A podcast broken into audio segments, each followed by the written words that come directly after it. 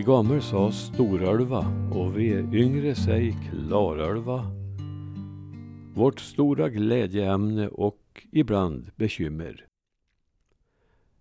1916 då älven var så stor handlade om i Nya Värmlandstidningen den 2 april 2016. I år är det precis 100 år sedan den största kända översvämningen någonsin av Klarälven inträffade. Det var en katastrof av så stora mått att år 1916 under resten av århundradet användes som ett riktmärke. Det året då Klarälven var så stor. Ingen som var gammal då kunde minnas att älven någonsin varit så mäktig och inte heller efter detta årtal har ett lika högt vattenstånd mätts upp. Ändå vittnar domböckerna om återkommande katastrofår. 1634, 36 och 37, 1701, 8, 40 och 82 1825, 42, 46 och 51 är exempel på år då stora delar av den väntade skörden gått förlorad genom stora vårfloder som spolat över nysådda åkrar. 1634 skars en halv åker bort i Uggenäs och 1708 lades en hel aln grus över en åker i norra Brannäs. Den 8 maj 1842 skriver NVT På de tvenne sista dagarna har Storälven stigit till en sådan höjd att man inte sett dess like sedan 1825. Skulle vårfloden stiga ännu en fot så som igår är största delen av Älvdalens åkerjord helt och hållet översvämmad. Slut på citatet. Även senare år som 1928, 59 och 95 har naturkrafterna ställt till stor förödelse för folket i dalen. Men 1916, det var något alldeles extra. När jag intervjuade Bengt Jonsson på Klarabäck i norra Persby på 1980-talet visade han hur vattnet hade nått högt upp på halva husväggen 1916.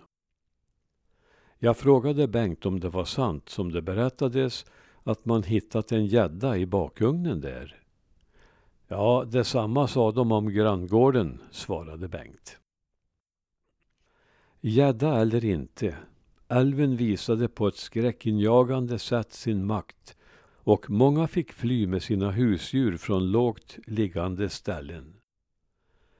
Så mycket till förvarning fick man inte då älvens yta på ett drygt dygn lyfts två meter och vattnet på sina ställen nådde mellan bergen.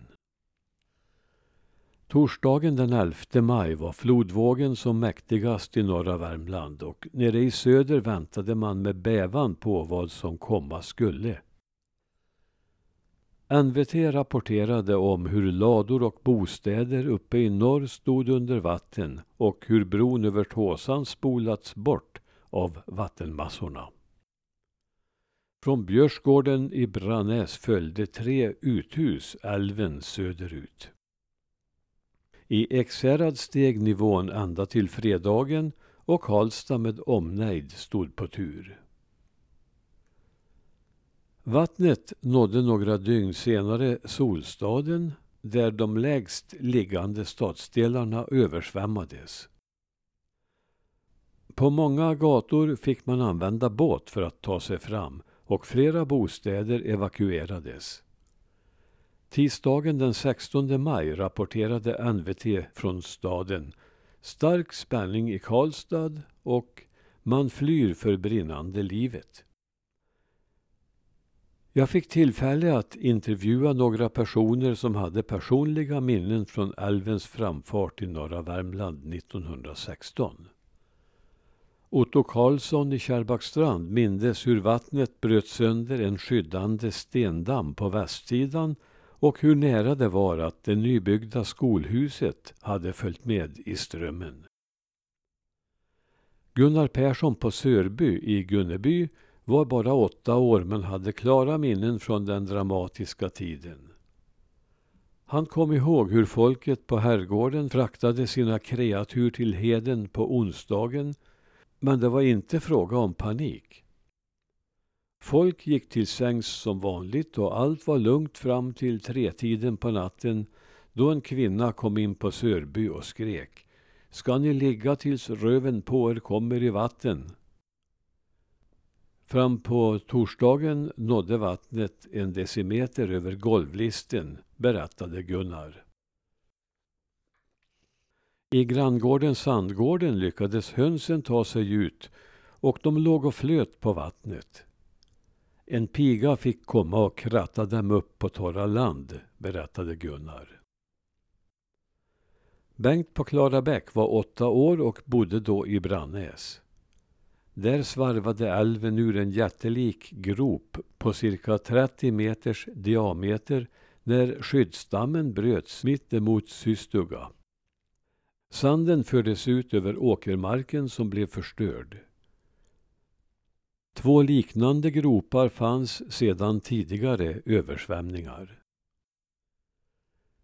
PG Larsson i Transtrand söder om Likenäs såg ängslador komma flytande. Han kunde också berätta hur bostadshus fick tjudras fast för att inte fara söderut. Det hela gick så fort från det att man märkte en kraftig höjning av vattennivån från onsdagen den 10 maj till kulmen nåddes på eftermiddagen dagen därpå. Då hade ytan på Klarälven höjt sig 2,2 meter i Likenäs. En resenär på ångbåten Vingäng i juli 1916 rapporterade. I Edebäck har vattnet gått ända upp till fönsterposterna så de rodde med båtar ända in i rummen. Så där måste alla bryta upp sina golv nu för det är alldeles surt. Strax intill Edebäck var det en gård i vilken de måste dra upp kreaturen i salongen den natt som älven steg som hastigast. Kan mamma tänka sig. Fyra kor i salongen. De måste ringa efter Klaran och en båt till som även kom dit och lassade djur på båten. Eller rättare sagt, de vältrade ner dem från fönstren genom brädrännor i båten. Vid Nysocken hade älven trängt igenom den stora udde som förut endast sammanbands med ett litet fäste vid fastlandet. Och där var det slut på den rapporten. Ur ett brev till Lars Bäckvall 1916 från Olof Olsson längre söderut i Dalby läser vi följande.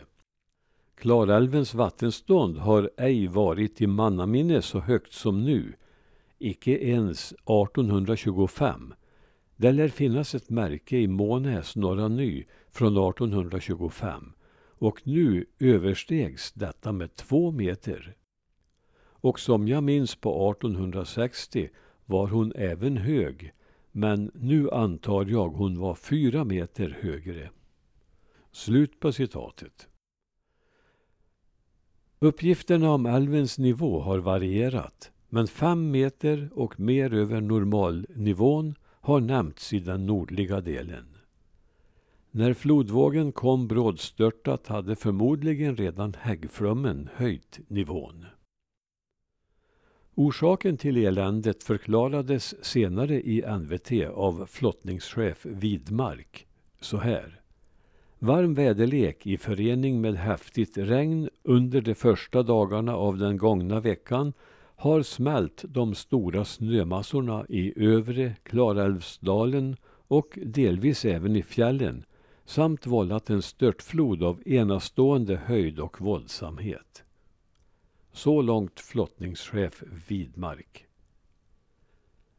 Hur årets vårflod kommer att arta sig vet vi inte men från Fortum får vi beskedet att det är mindre snödjup än vanligt i fjällen och att detta talar för ett mer normalt vattenflöde. Det som skulle kunna rubba denna prognos är om det skulle komma våldsamma regnmängder vid snösmältningen.